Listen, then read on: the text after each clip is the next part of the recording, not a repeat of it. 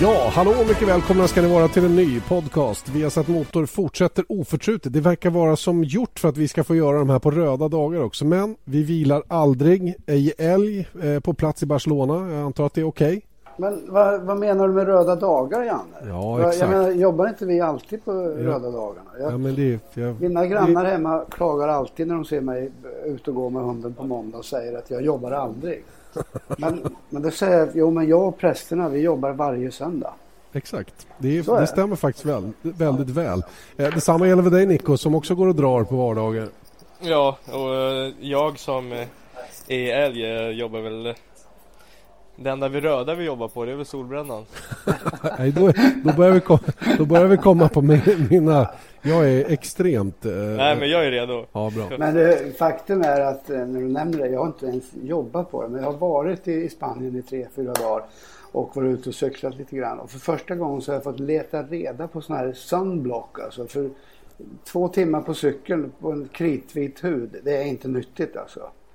Men, men det blir snygga solbrännor. Jag såg, det, jag såg det på herr Eriksson som du hade med dig på cykeln där. Han hade riktig bondbränna. Ja, han, ja just det, det såg jag också. Mm. Ja, han, han blir det ut problem för. Jag bryr mig inte så mycket men kan tänka dig han som ska se ut på ett speciellt sätt på, på beachen i sommar. Det är inte så roligt han, alltså. Han som är lite fåfäng menar du? Eh, lite fåfäng var väl att ta i. ja, nu får man höra grejer som inte ens jag visste. Okay. Po pojkspolingen. Du körde väl ifrån han hoppas jag? Ja, han, han är ju lite småstark i vissa lägen. Men jag är ganska seg och jag, jag försökte pressa på så gott som jag, som jag kunde. Men jag måste nog erkänna att han är lite för stark för mig. Men jag har, mer, jag har bättre kurvteknik. Ja, ja, men det kan jag tänka mig. Så att eh, du går bra ner för med andra ord. Jajamän. och sen hade jag lite bättre cykel också. Så det, det gick ganska bra för mig. Okej, okay, då är vi nöjda. Vi ska prata mer om Marcus Eriksson lite längre fram för det är nämligen honom vi pratar om när vi sitter och svamlar runt här på Kristi himmelfärdsdag. En dag innan det drar igång Europapremiären för Formel 1 i Barcelona. Men, men, innan vi kommer in på det, det var ju Europapremiär också kan vi väl säga för MotoGP då, förra helgen. Eh, också det i Spanien för övrigt, på Jerez. Eh, och eh, det där var en rätt så skön avslutning eh, med Marcus eh, helt galna omkörning på, på Jorge Lorenzo då, sista varvet, in i sista böj där. Hur han ja. stångade sig förbi. Alltså den, den omkörningen, det, det, är väl lite grann av en klassiker nu måste jag väl ändå säga. För det, vi har haft ett sånt ett par år. Eh, Mick Doan och Alex Crivet Eh, 1996 vill jag minnas, sista, sista sväng, sista varvet och Crivet åker ut i, i gruset och åker omkull. Mm. Och, och sen var det 2005 då med Valentino Rossi, CT Gibernau. Eh, skillnaden där då med CT Gibernau och Rossi var att CT försökte ju då stänga dörren eh, redan ganska tidigt men Rossi tråcklade sig in och puffade ut honom i gruset. 2010, eh, Danny Pedrosa och Lorenzo, samma sak där. De hade också en hel del tuffa fighter in i sista böj där Pedrosa skickade ut Lorenzo lite grann. Mm. Men nu, nu fick vi se någonting riktigt, riktigt häftigt. Och det var ju en, eh, alltså det var ju just att Marcus eh, tog sig fram på det sättet han gjorde. Han visade sig redan efter bakrakan ner i kurva 6 att han var precis bakom. Och är man regerande världsmästare så borde man ha det i åtanke och tänka på att eh, han kan komma och med en sån här riktig attack här nu i sista sväng. Och det gjorde han mycket riktigt. Lorenzo öppnade dörren. Eh, Loren, eh, Marquez eh, kom in på insidan. Visade sig klart och tydligt väldigt, väldigt tidigt in på hela den här bromssekvensen. Och buffade ut honom lite grann och tog andra platsen. Mm. Jag tyckte att det var helt enligt skålboken. Så, såg du det här i själva omkörningsförsöket? Nej, jag, jag, gjorde inte det. Jag har naturligtvis hört talas om den. Mm. Men, och att det var imponerande. en liten fråga där bara, Nico. Eh, däremot så såg jag Rossi Gibernau då 2005 när det var. Det blev ju nästan början till slutet på Gibbernaus karriär, eller hur? Ja, mycket riktigt. Det var ju ah. efter att eh, CT Gibernau uttalade sig på ett visst sätt och eh, vägrade liksom släppa garden. Som Valentino Rossi sa mer eller mindre att det här var sista gången CT skulle åstadkomma någonting. Och mycket riktigt så blev det ju så. Nu hoppas jag att det, att det inte blir i, i det här fallet. Men, och, och, Lorenzo har ju också sagt att det var ju i stundens hetta som han inte ville ta emot eh, hans ursäkt. Och, men nu är allting eh, begravt i sand och eh, ska fortsätta. Mm. Eller hur, tänker jag. Just det, här är bara, det här är bara början på allt det roliga som kommer hända nu den här säsongen. Men du, jag, jag läste Lorenzos kommentar efteråt att ja, men jag, jag har lärt mig. Han, har ju liksom, han var ju förbannad direkt efteråt. Ja. Det, det, kan man ju förstå. Va? Och det är mycket adrenalin och han tycker att han har blivit liksom så här. Men efteråt när han hade fått eh, sansa sig lite grann då, då kom han fram till att ja, men jag har lärt mig. Vi får se hur jag hanterar det här i fortsättningen. Och, och, eh, jag, eh, jag hade inte koll på att han var så pass nära som han var. Jag tycker ändå han, liksom, han hanterade liksom eftersnacket där ändå lite, lite snyggt måste jag säga och gav ändå Marcus cred för att han var så pass tuff som han var där. Mm, jag tror att han var lite för snäll i sitt uttalande också eh, gällande Marcus där. Jag tror att han är, han, han, har ju, hornen har ju vuxit ur i pannan på honom nu. Men du, och, får jag fråga, ja. hur är det att det är två spanjorer? Hur, att två spanjorer brottas med varandra på det här. Hur skulle vi göra i Sverige om det, om det vore två svenskar i Formel 1 som nästan sätter av varandra i en kurva? Det vore... Oj, oj, oj. Det, det, här, det hade ju Ja, jag vet inte, vi, vi hade blivit begravda under jord någonstans. Ja, men eh, det är lite I Spanien funkar det här på ett helt annat sätt. Okay. Men det är ju bara spanjorer som kör i MotoGP nästan. ja, men så, nästan så är det ju så. I Sverige är det ingen som kör F1, det är den stora skillnaden. Ja, jo, okej, okay. men nu pratar vi hypoteserna, ja. inte hur verkligheten det är klart att Det är klart att eh, det vore ju jättekul det enda jag kan tänka på det var när det var Ronny och Reine på F3-tiden. Det var ju en klassiker när de dominerade F3. Och eh, eh de hade ju otroliga fighter hela tiden och då var det alltid den ena var bad guy och den andra var the good guy. Det var Ronny som var lite bad guy för det var alltid han som drog, drog det vinnande strået så att säga. Men eh, nej, jag tycker nog inte att det... Det är klart att eh, det, man, man tävlar ju mot alla där ute på banan. Och i vissa det fall måste finnas kan man, sånt. Ja, absolut. Alltså. Så att jag, jag tror inte att eh, nationalitet har någon större betydelse i det läget. Men har det någon betydelse i eftersnacket? Blir Lorenzo lite försiktig om sina fans där hemma om han börjar ge sig på en annan spanjor? Liksom? Nej, det, det, tror jag absolut inte. Utan eh, Lorenzo har ju sina fans, eh, Marcus har sina fans och eh, Danny Pedrosa sina fans. Mm. Och det här hanteras ju på ett helt annat sätt nere i Spanien. Det är ju Ja, de är ju liksom var för sig. Ena stunden har de media med sig, andra stunden så har de median eh, mot sig. Och så är det överallt när man kommer upp eh, mm. lite grann i nivå. Och jag fick ju ta emot ganska mycket skit efter, efter racet i och med att jag uttalade mig att, att det var en helt okej okay körning eh, ifrån Marcus sida. Mm. Och det är ju racing vi håller på med som EA sa. Det är inte konståkning där allting ska liksom vara eh, 100% perfekt eller med, med simhopp och sånt där. Där, all, där timing är A och O och det ska vara så snyggt och prydligt som möjligt. Utan här, här gäller det att få med allt det där men samtidigt så är det ju först den, första man över mållinjen som vinner racet. Så är det onekligen. Men allting ska ju ske inom, inom lagens råmärke. Och är det inte ja. fascinerande också att det är en tredje spanjor som går och vinner det här racet som knappt får någon surr alls runt omkring sig och Danne Pedrosa som liksom bara han, han spöar de andra två men det är de två där bakom som är de stora profilerna i år. Är, är det inte så? Känns det inte så? Jo, det gör det faktiskt. Och jag tyckte det vart ju lite grann sådär på på Austin med. Jag tyckte att Lorenzo gjorde ett fantastiskt race och kom i mål på en tredje plats och körde riktigt bra varvtider. Alltså som, eh, som ändå var i, i närhet av eh, Marcus och Danny Pedrosa. Men eh, Marcus tog segern och Danny Pedrosa vart inte alls hyllad för sin andra plats utan han vart ju den här eviga tvåan återigen. Mm. Nu så stack han iväg i, i starten och Ja, han gjorde allting rätt. Han hade bäst hoj den, där, eh, den eftermiddagen och eh, det kunde ta hem det ganska lekande lätt faktiskt. Mm. Det var grymt. Eh, många vurpor den här helgen, eh, tyvärr.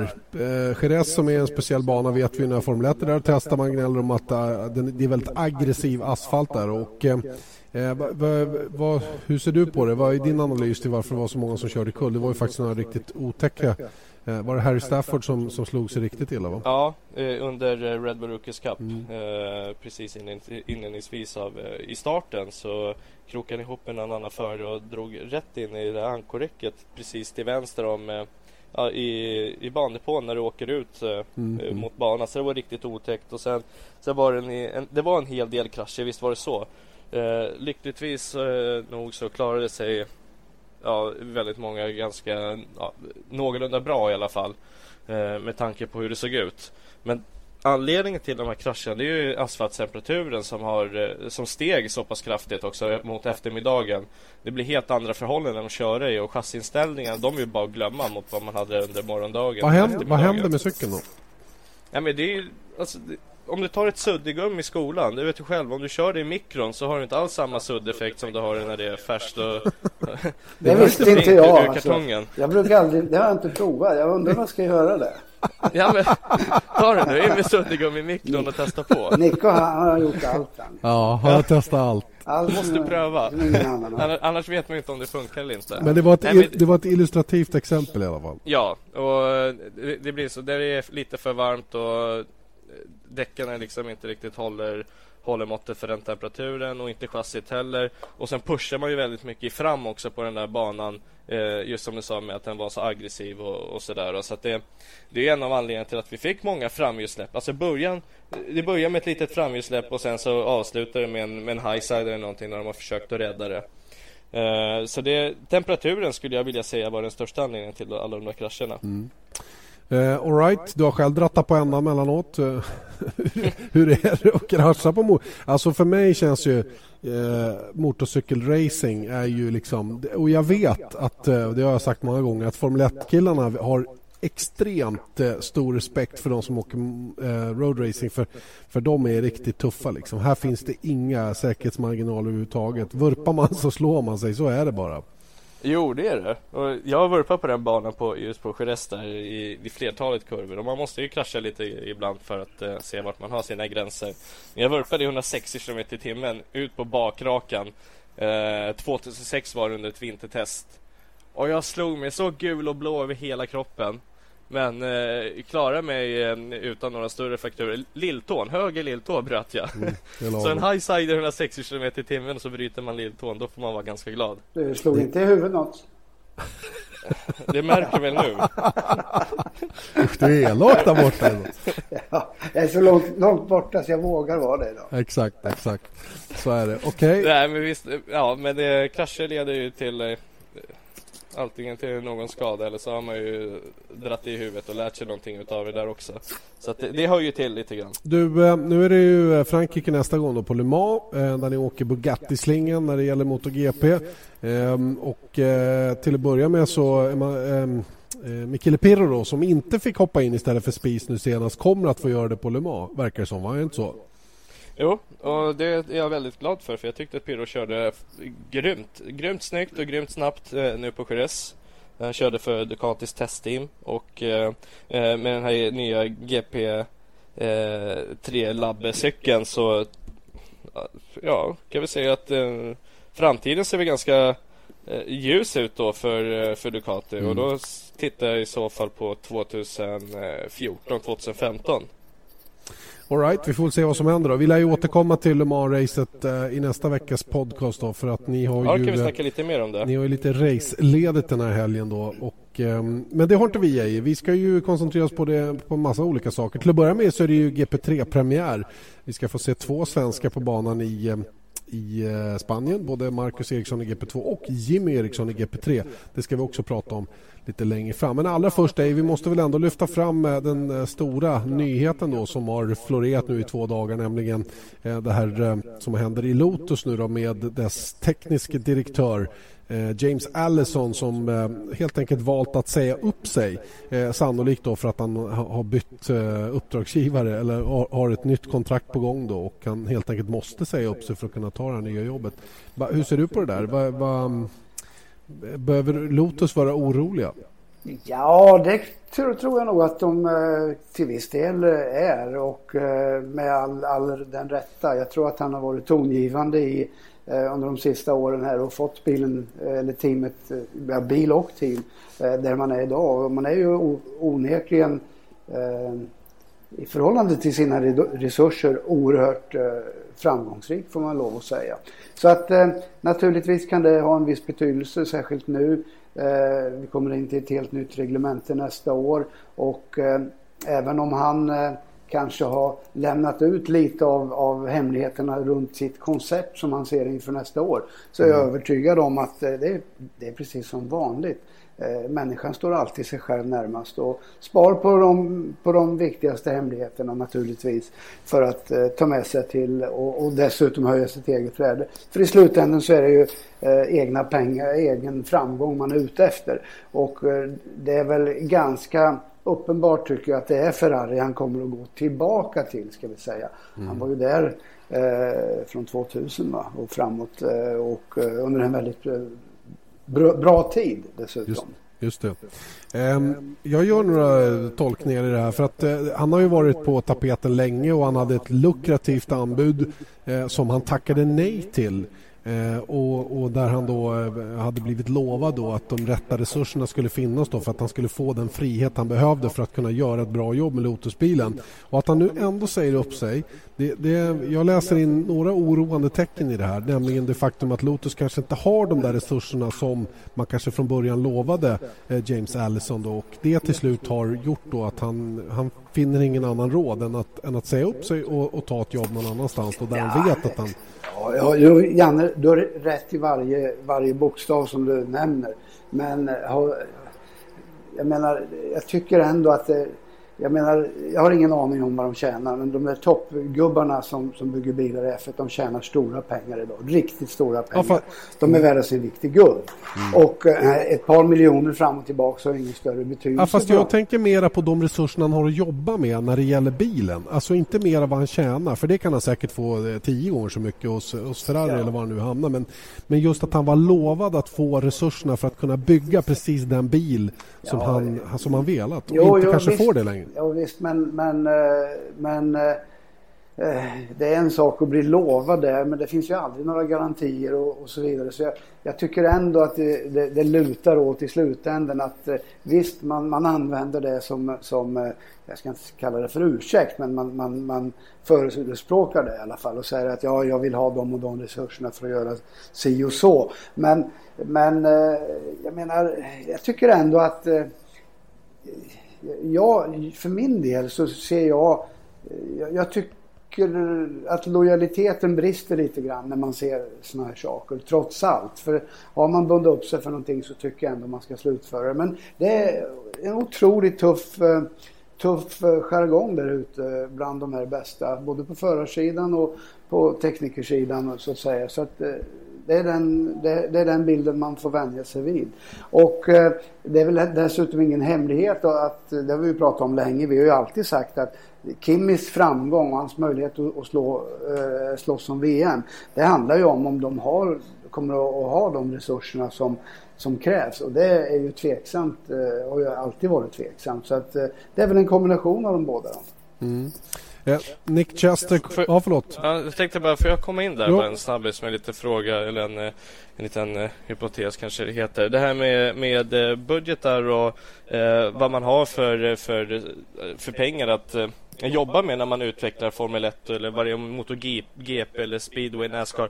Oavsett vad det är och när det gäller på tekniksidan så finns det ju alltid en Einstein bakom all den här utvecklingen och jag, det är väl mer att man inte stryper kanske då det ekonomiska men man stryper väl hjärnan hos den här Einsteinen och eh, gör man det då så man tappar ju motivationen till att kunna fortsätta arbeta eller till att vilja fortsätta arbeta också. Mm. Ja, är det inte så? Jo, men det, är klart. det är klart att det är, är, på det sättet. Va? Men när man, om, om det nu bara var glädjen av att få göra någonting riktigt stort och riktigt bra, ja då kunde de väl jobba för 50 000 i månaden då. Men så är det inte utan det är lika mycket hela Formel 1-branschen, ända från botten ända upp till toppen, är ju väldigt, väldigt pengafixerad. Det är bara att konstatera. Och mm. även om det är en Einstein i det här fallet så eh, kommer de alltid lockas av, lockas av de stora pengarna. Och det är ju lite, lite synd tycker jag. Men eh, om det. Nu, om det nu är ren lön vi pratar om, va? men det, det, är inte, jag tror inte alls att det är det fallet här. Utan jag tror att James Allison helt enkelt eh, blev övertygad om att Lotus skulle ha så mycket budget så att han skulle kunna bygga eller göra allt det här han ville med bilen. Och när de inte kan leverera det då, då väljer han att hoppa av helt enkelt. Och, ja, sen om man, får, om man får 100 000 dollar till i lön eller vad det är någon annanstans, det tror jag inte är lika viktigt för, för en sån här kille. Nej, nej men visst, det, det, du har säkert rätt i det och så vidare. Det där kan man ju bara spekulera i men eh, det, det ligger någonting i det. Men, men eh, det finns ju som du säger andra eh, värden i, i allting. Jag tänker på i morse när jag kom till banan, eller jag hade varit här en, en stund när Lewis Hamilton kom in eh, till depån. Eh, till att börja med känner jag inte igen honom. Men eh, han är inte så svår att känna igen i och för sig. Eh, han är ganska utmärkande. Men det är en helt annan människa ja. som, som kliver in i depån jämfört med hur, han såg ut när han var hos McLaren. För då var det, då var det roboten som kom in och mm. lite osäker och så vidare. Nu kommer han in jag, jag tänkte säga slafsigt klädd. Jag kommer aldrig att ha råd att köpa de jeansen som han har och den sweatshirten och så vidare.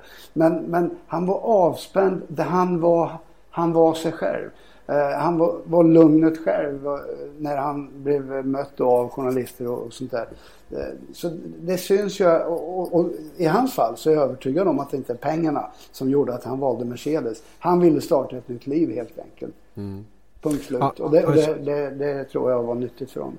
Han känns lite tied down. Han har ju också uttryckt äh, just saker kring det här, sin nyfunna frihet då, att han är lyckligare nu och äh, kan göra saker som han inte behöver rapportera upp till någon annan och, och ja, jag vet inte. På något det, sätt jag, jag tror han kommer att växa, växa tack vare det alltså. För att äh, jag tror att människor behöver utvecklas ibland och han utvecklades inte. utan han styrdes egentligen av McLaren lite för hårt han, han, utvecklades ju till en punkt där det inte gick att utveckla honom längre enligt deras metod. Och det var nog, ja. Jag tror att det var bra för båda att de särade på sig. Det känns så nu. Absolut. Eh, jag vill gärna hänga kvar lite grann vid, vid Lotus och Kimi Räikkönen nu då. För en sån här, en sån här grej där, ehm, där uh, James Allison slutar nu då. Kimi Räikkönen är i ett känsligt läge. Han ligger tvåa i VM. Teamet ligger tvåa i VM. Uh, vi går in i en fas av säsongen nu, nästa skede så att säga då, där, där mycket kommer att präglas av vilken bil man får fram nu då till, eh, till eh, den är uppdaterad här i Barcelona och, och så blir de av med en nyckelperson och Kimi är ryktenas man om var han ska ta vägen och så vidare. Det är ett knepigt läge minst sagt, både för Kimi och för Lotus förstås. Visst är det ett knepigt läge och eh, det finns ju naturligtvis en, en, uppenbar risk att det kan få negativa följder. Inte nu närmsta månaden eller närmsta månaderna kanske. Men eh, under loppet av säsongen och kanske till och med innebär att eh, det blir tufft att hänga kvar uppe i toppen där. Va? Men vi ska inte vara alltför säkra på det heller. För att vi vet ju, vi har ju tidigare pratat om det här med uppdateringar. Självklart om vi tittar på McLaren till exempel som har börjat helt i fel ände och måste hitta, hitta tillbaka till ett koncept som funkar, som har en bassetup så att säga, som fungerar och sen finjustera. Men eh, vi vet också att det här bara att ösa, ösa på pengar och uppdateringar kanske inte alltid är rätta medicinen utan det handlar om att optimera, optimera de resurserna som finns. Och eh, den nya, nya setupen då rent tekniskt i, i Lotus kanske också har, har värdefulla synpunkter på hur saker och ting ska vara. Och det har ju funnits brister även där. Man har visserligen varit snabb i racen men det har fattats över ett kvalvarv och så vidare. Så att eh, låt oss vänta och se. Men på lång sikt kan det naturligtvis ha följder. Varje team behöver ju ha en, en stark substans i, i, eh, på tekniska sidan. Och eh, det här som alla pratar om nu att det här kan bli ett problem för teamet att behålla Kimi Räikkönen vilket förmodligen vore en katastrof mm. eh, inför nästa år. Det, det ligger lite i det va? och eh, det, det, det, är aldrig bra när man tappar en eh, sån stark resurs som Allison här. Eh, Eh, de envisa ryktena placerar Kimi Räikkönen bredvid Sebastian Vettel hos Red Bull nästa säsong. De skulle vara goda vänner, Sebastian Vettel och Kimi Räikkönen. Ehm, det finns en koppling mellan Red Bull och Kimi sedan tidigare och sådana saker. Vad tror att han verkligen hamnar där. Är det verkligen ett ställe där, där Kimi Räikkönen ska vara ihop med en så pass toppstyrd och toppstyrande förare som Vettel ändå är? Eh, uh, nah, ja, man, man ska aldrig säga aldrig i den här branschen. Det, det vet vi ju sen, sen gammalt. Men eh, eh, ja, det skulle kanske funka. Men sen om det är rent praktiskt möjligt, ja det vet inte jag. Men Kimian är ju en sån som, eh, det har egentligen ingen betydelse var du släpper ner honom. Han landar på fötterna i alla fall. Mm. Mycket tack vare att han gör saker och ting på sitt eget sätt. Mm. Han eh, bryr sig inte om eh, vad de andra gör utan han, han vill ha sakerna på sitt sätt och uh, gör ingen större väsen av sig. Utan, och därför, därför så tror jag att han är ganska anpassningsbar. Jo, men eh, vi har ju pratat många gånger om det här med att ha två superstars i ett och samma team och så vidare. Hur svårt det är och vi ser ju nu vad som händer i, i Red Bull mellan Mark Webber och Sebastian Vettel där man tydligt jobbar åt det en förare speciellt. Ja, men självklart, självklart är det så. Riskerna är jättestora. Definitivt, det håller jag med om. Eh, men frågan var ju egentligen hur det skulle gå hur det skulle funka för Kimmy. Och för Kimmy så tror jag nog att han, han reder ut det oavsett var han hamnar. Mm. Eh, kanske det rent av skulle vara så att eh, Fettel då fick kliva lite åt sidan, vilket jag också har svårt att, att se eh, under närmsta framtiden i alla fall. Så att eh, svår sak. Men, men eh, jag vet inte. Så vi får inte glömma bort att Kimmy varit med länge. Sebastian Vettel är fortfarande ung och, och så vidare eh, jag, jag har nog lite svårt att se dem, dem tillsammans i Red Bull trots allt. Mm, mm. Okej, okay. vi får se vad som händer. Eh, Gerard Lopez i alla fall ägare till Lotus säger att Räikkönen troligen blir kvar då om de kan ge honom en tillräckligt bra bil. Då. Det, är väl, det, det är väl deras första uppgift nu att fortsätta visa att Lotus-bilen är stark. Då kanske det inte spelar någon roll att James Allison då lämnar. Eh, han lämnar eh, tämligen omgående då eftersom man nu på, på, en gång då har ersatt honom då med eh, Nick Chester som går upp och tar den här rollen med omedelbar verkan. Och det verkar som Ferrari är den troliga adressen för James Allison åtminstone enligt de rapporter som har kommit under dagarna. Vad tror du om det? Jo, det tror jag definitivt att han, han går tillbaks till Ferrari som sagt och han kommer eh, det finns säkert en plats där bredvid Pat Fry och eh, de kommer eh, det kommer säkerligen att fungera bra. Mm. Men bara låt mig säga en annan sak där du, du sa att Lopez då har sagt att Kimi Räikkönen kommer att bli kvar. Vad ska han säga? Jag menar, han kan ju inte säga att ja, nu är det risk att han försvinner också. för, för, för tänk dig själv, jag menar alla de ekonomiska eh, åtaganden som har, de har gentemot sponsorer. Det är oerhört viktigt att eh, de inte börjar tappa folk för att eh, då försvinner pengarna också och det är de i stort behov av. Det intressanta var att Lopez kommentar kom bara en dag innan det här beskedet om James Allison och jag tror inte att jag, jag, tror säkert att ledningen hos Lotus har vetat om det här ett tag att, att Allison var på väg att säga upp sig. Jag tror inte att det var någon sån där som blixt från klar himmel. Tro, vad tror du? Nej, absolut inte. Det är jag övertygad om att de har nog haft eh, lite diskussioner där och eh, det var nog ingen överraskning. Absolut inte. Nej. Eh, och Grosjean då, vi stannar kvar i Lotus då. Trea senast eh, i Bahrain, det var ju för övrigt samma pall senast då som det var för ett år sedan i Bahrain då med Vettel på toppen och eh, med Räikkönen och Grosjean där bakom. Um, intressant, uh, intressanta kommentarer efter det racet var ju till exempel då att uh, Eh, man eh, troligen hade kunnat gjort en enstopp, att det var väldigt nära att man klarade sig på en enstoppare eh, i Kimi Räikkönens fall, när två stopp var det bästa för deras del och, och eh, att man ifrån Lotus del trodde att eh, Vettel säkert med ganska stor lätthet hade klarat en tvåstoppare också. Det var verkligen inte samma marginal i racet där och Grosjean då valde ju lite aggressivare då att göra en trestoppare. är han tillbaka, tror du nu? Har han liksom återfunnit förtroendet för sig själv?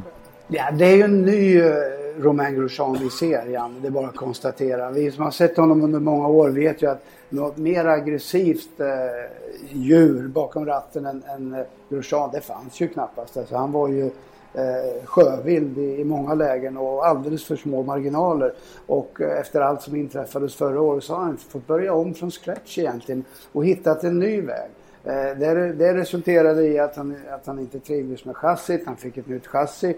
Eh, jag tror inte att det kanske nödvändigtvis var chassit utan han börjar hitta sitt nya jag och sitt, sin nya stil och han är ju inte den nu som stoppar in nosen i, i onödan där det är alldeles för trångt. Och det är ju raka motsatsen mot förut. Eh, sen har han inbyggt i sig själv en, en rå snabbhet som, eh, som eh, överstiger de allra flestas eh, om, om jag ska vara uppriktig. Eh, så att eh, han har alla förutsättningar att lyckas om han bara hittar en eh, balans i, i sig själv och, och i sin metod att, att köra racerbil. Det är jag övertygad om. Mm. Ja, får se hur det går för Romain Grosjean alltså nu när vi kommer till Barcelona. Förra året var det ett väldigt speciellt race. Det var ju Williams som vann, Pastor Maldonado var det som tog hand om det och det var eh, det första racet på väldigt länge som inte du kommenterade. Hur kändes det? Ja, det du gjorde inte Spaniens att... GP förra året? Nej, jag gjorde ju comeback då. Alltså, storstilad comeback i historiska Formel 3-loppet i Monaco. Vilket i och för sig var jättekul.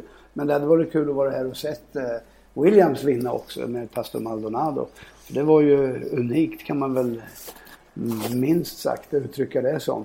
Nu kommer man hit, eh, har förhoppningar om att man ska ha ryckt upp sig lite grann. För början på året har det varit katastrofalt för, för eh, Williams, både Bottas och Maldonado har Maldonado haft jätteproblem. Eh, nu kommer man Eh, kommer man, eh, likt många andra naturligtvis, inför Europasäsongen här, eh, taggade upp till tänderna med nya tankar, nya, nej inte bensintankar nu, men nytt tänkande menar jag. Eh, nytt tänk och eh, man har analyserat vad som har hänt i de här första tävlingarna och gissar i alla fall att man är på rätt väg med nya uppdateringar och i stort sett alla har ju någonting nytt på bilen. Ja, och det intressanta är, det tyckte jag eh, Christian Horner pekade på väldigt tydligt att eh, det handlar om att förstå däcken. Det handlar om att anpassa bilen efter däcken och ingenting annat nu. Det är väldigt mycket det. Det är inte så att man jagar eh, 20% mer downforce eller 5% mer downforce utan det gäller att göra en bil som fungerar ihop med Pirelli-däcken. Just eh, precis Jan och då kommer vi in på det, på det vi pratade om förut med Lotus här. Eh, det är nödvändigtvis, nu tror jag i och för sig att det är en loss för Lotus att bli av med James Allison. Men att få in någon annan som styr om lite grann och kanske har lite annat tankesätt kan eh, också vara en, en, positiv grej. För att precis som du säger, eh, just idag så handlar det ju till 100% om att anpassa bilen efter däcken och få däcken att fungera eh, enligt, enligt ett koncept som, som funkar på respektive bil. Mm. Och McLaren har ju mest att hämta där kan man väl säga då eh, med tanke på hur det har sett ut inne på säsongen. Jag läste idag att de, eh, de, deras viktigaste grej nu det är att få ordning på de här correlation problems, alltså de här siffrorna som de har fått ifrån vindtunneln då som inte verkar stämma. Alltså det är nästan en karbonkopia av det Ferrari hade problem med under fjolåret och dess, dessförinnan också. Eh, att de har gått på samma nit på något sätt.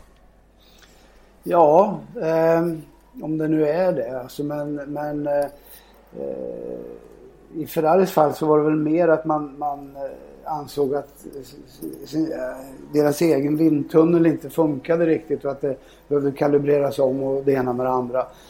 Jag tror att det behöver inte nödvändigtvis vara det men det, det kan ju vara mycket annat som spökar och man, man kanske inte hade så bra koll på det som man trodde i slutet på förra året. Och eh, framförallt när man gick ifrån det konceptet och startade upp ett helt nytt. Ja, då är det svårt att, eh, då är det lätt att man hamnar utanför det där så kallade fönstret där saker och ting fungerar optimalt. Mm.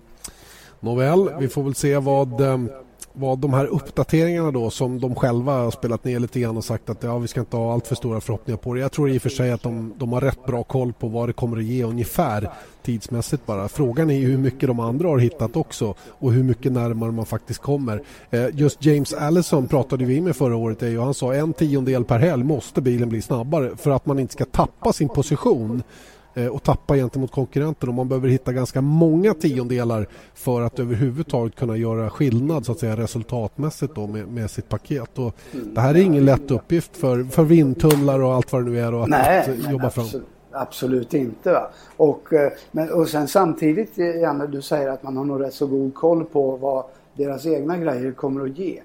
Självklart, man har ju otroliga resurser till i simuleringsprogram och, och, och, eh, simulatorer och allt vad det nu är eh, att tillgå. Men, eh, men jag skulle nog snarare säga att man hoppas att det ska ge sig och så mycket. Mm. Men sen har du det här problemet med däcken. Det, som är en, en eh, oskriven eller en, en o, jag kalla det, ingen som egentligen vet vad, vad, hur däcken kommer att fungera. Det, det, kan du bara spekulera i för de är otroligt eh, väderkänsliga. Precis som på MotoGP där. Och, eh, så att eh, jag, jag, jag, känner nog att ingen kan vara riktigt säker på någonting och jag förstår att, att McLaren är lite osäkra och lite rädda för att sticka ut hakan för långt och uh, utlova någonting som de inte kommer att kunna leverera. Även om siffrorna säger så hemma i fabriken. Pirelli kommer för övrigt att förse teamen då med ett extra set eh, däck till fredagens träning, ett så kallat prototypdäck då som är någonting som man, eh, ja, som liknar något. Man, det är nämligen så här att man har två fabriker, man har en i Rumänien och en i Turkiet. Och, och jag vet att man gjorde under testerna också att man körde prototypdäck då som kommer från fabriken i Rumänien. Eh, men, av, men var av exakt samma gummiblandning då som det, det ordinarie däcket då som tillverkas i, i, Turkiet. Och det här är för att man eh, ska kunna säkra upp då om det blir produktionsstörningar på det ena stället så ska man kunna ta däck från andra då och veta att det är precis samma kvalitet. Så det är väl ett sånt däck då som man antingen, antagligen då får ett extra set av till fredagens träningar den här helgen. Och eh, det är väl bra det för då kanske vi får se lite mer körning. Eh, teamen kunde ja. ju som vanligt inte komma överens om att det här med att eh, rookieförare skulle, det team som körde rookieförare då skulle få ett extra set lite mer hållbara däck. Det var, var inte så oväntat. Det var absolut ingen överraskning. Det, det, det förstod jag redan från början. Men sen är det en annan grej också där som jag, jag, jag nu ska jag inte vara en gammal gnällig gubbe här men, men det känns tycker jag lite fånigt där. Pirelli, eh, jag tycker de kan säga som det är istället. Eh, att de försöker, ena stunden säger de att ja, vi måste göra det här för att unga förare ska få chansen. Det låter ju jättebra naturligtvis för alla. Nästa är det för att ja, för publiken ska få, få se mer på Eh, på fredagsträningarna. Också jättebra. Eh, man försöker vinna en massa popularitetspoäng. Men i slutändan så är det ju de själva som är oroliga för att saker och ting inte ska fungera. Och de vill ha bilar ute så mycket som möjligt för att samla på sig så mycket uppgifter som möjligt. För att banan ska gnugga in sig som ska ge, som, som in, för att minska riskerna för att det ska bli såna här katastrofala helger innan däcken smular sönder. Så att eh, ja, det känns bara som det... De, de försöker vinna populari, populari, popularitetspoäng mm. eh, på någonting lite... som de i själva verket bara gynnar dem, gynnar dem själva egentligen. Du är lite tjurig på dem helt enkelt. Nej, men tjurig. Jag tycker bara att eh, eh gör däck och leverera dem och så får de som bestämmer eh, bestämma. Så, så är det. Nu har, du, nu har inte jag tid med dig längre. Jag måste lägga sten. Men du hade så, ju inga sten. Så. Nej, jag vet, jag vet. Men det behöver du inte berätta för alla andra. Lägga sten om man inte har några, det är inte så lätt nej, det, Jannes. Det grejen var att jag köpte både för lite sten och för lite sand. Så att jag nej, har, nej, jag har screwed up, om man jag tror, så. Du har helt fel. Du köpte för stor tomt. Ja, det är väl det antagligen. Jag har ja, för stora ambitioner. Ja. Men du vet hur det är, man får sällan bestämma själv och då är det bara att rätta in sig i ledet. Eh, så att eh, det är väl det jag får pyssla med. Ni får eh, hänga nere i Barcelona. Det är väl fina förutsättningar där nere kan tänka mig. Mycket svenska på väg ner hör man ju. Ja, hörru du, jag har redan stött på ett antal svenskar som är i god tid. Det har varit under eftermiddagen en sån här öppen pit lane. Just det, pitwalk. För, ja, just det. För de som har köpt då weekendpass. Och det är ju oerhört populärt. Väldigt mycket folk. Vädret, ja, de har till och med sagt att det, det skulle kunna komma lite regnskurar under helgen. Och det är väl, eh, ja det blir väl intressant kanske. Eh, det är lite molnigt men eh, behaglig temperatur, lite över 20 grader så jag klagar inte. Låter bra Deje. Vi, vi hörs imorgon då. Jag hoppas att alla små teknikglitcher är över tills dess. Eh, imorgon klockan 10, alltså fredag morgon klockan 10 sparkar vi igång träningarna inför Spaniens Grand Prix. Du, vi har inte pratat GP2 och GP3, det ska vi göra innan vi slutar. Eh, GP2 eh, som vi har eh, sänt redan eh, eh, två tävlingshelger har inte gått något vidare för Marcus Eriksson. Det behöver vi inte gå in på. Eh, ni, har, eh, ni har träffats nu, pratat ihop er lite grann. Eh, han, han känns stabil, hoppas jag. Ja, han, det är ju ingen snack om saken. Att han sitter i ett av de absolut bästa teamen och, och resurserna finns där. Eh, det visar han ju med att han kvalar in tvåa i Bahrain om inte annat tycker jag. Mm, mm. Sen har saker och ting gått uh, fel. Uppåt väggarna fel kan man väl uh, förstärka det med. Uh, inga poäng så här långt och det är lite för dåligt så det måste vända nu. Vi hoppas att det gör det här i Barcelona. Och som sagt, det, är ingen idé, det är ingen idé att älta i det som har varit. Eh, alla vet att det krävs rätt stora förändringar nu för att det här ska bli en bra säsong. Eh, däremot GP3 då som eh, blir lite intressant i år med en ny motor, en en decimeter längre bil, eh, nytt chassi alltså och eh, ganska stora förändringar. Den här bilen har ju varit någonstans mellan 4 och 6 sekunder snabbare än den gamla. Eh, de går ju tvärtom i GP3 dessutom, från en turbo till en normalaspirerad eh, AER-motor eh, på runt eh, 400 hästar då, mot de 280 som man hade tidigare. Va, va, vad tror du om det här mästerskapet? Ja hörru du, jag vet inte vad jag ska tro om det egentligen. Jag tycker det ska bli intressant. Eller jag är intresserad av att se bilarna, se hur fort de går och så vidare. Och vad de levererar i form av underhållning och eh, så vidare. Eh, men helt klart är ju att man har känt ett visst hot av den allt mer växande eh, och mer populära Formel 3. Och nu inser man att man måste göra någonting för att hotta upp GP3 lite grann. Och jag skulle vilja säga att alla är lika intresserade som jag och ser hur snabba kommer de här bli egentligen. Mm. Kanske bara är 5-6 sekunder långsammare än GP2. Då kommer det gå undan. Alltså. Och vet du vad det förnuliga är? Alla andra kommer att kunna se det också för vi visar nämligen GP3 båda racen i direktsändning på Viasat Motor eh, lördag eftermiddag och fri, eh, söndag förmiddag. Eh, så det är alltså efter GP2-racet på lördagen och före GP2-racet på söndagen. Som det är fördelen med att ha en svensk där. Ja men visst. Jimmy Eriksson som eh, debuterar och kör för Status Grand Prix eh, har inte briljerat på testerna. Det har varit eh, ömsom vin, ömsom vatten. Det har varit en del tekniska problem för Jimmy eh, som, som kommer ifrån en seger då i den här ATS-kuppen förra året i, i Formel 3. Eh, gjorde ett nytt besök i Macau bland annat då, men sen bestämde han sig för att flytta upp i GP3 och den här nya bilen. Eh, vad, vad, hur ratear du hans chanser? Vad, vad, tror du? Har han någon möjlighet att vara med? Oerhört, oerhört svårt att säga, men jag tycker definitivt inte att vi ska göra någon värdering av Jimmy på de testerna som har varit. För att eh, eh Eh, det är ju samma som i GP2. GP2 och GP3-racen är ju oerhört tuffa för förare och team. Väldigt lite körning, eh, väldigt eh, små möjligheter att förändra saker. Funkar det inte ut på första träningen så är det nästintill omöjligt att hinna komma rätt så att säga. Och det är ju samma dilemma som man har i, i GP2. Och i GP2 ser vi ofta under testerna till exempel på vintern att eh, folk är hur snabba som helst. Man står bara och gapar och tänker var kom den tiden ifrån? Mm. Och sen kommer man till racen och så är det precis raka motsatsen. De som var långsamma på testerna är snabba, de som var snabba på testerna är långsamma och, och, och så vidare. Så att eh, det kan bli en helt, helt annan situation för Jimmy när han eh, nu kommer till sitt första race. Och det ska bli intressant att se vad han orkar prestera. Men det är en tuff, tuff eh, klass han har gett sig in i, helt klart.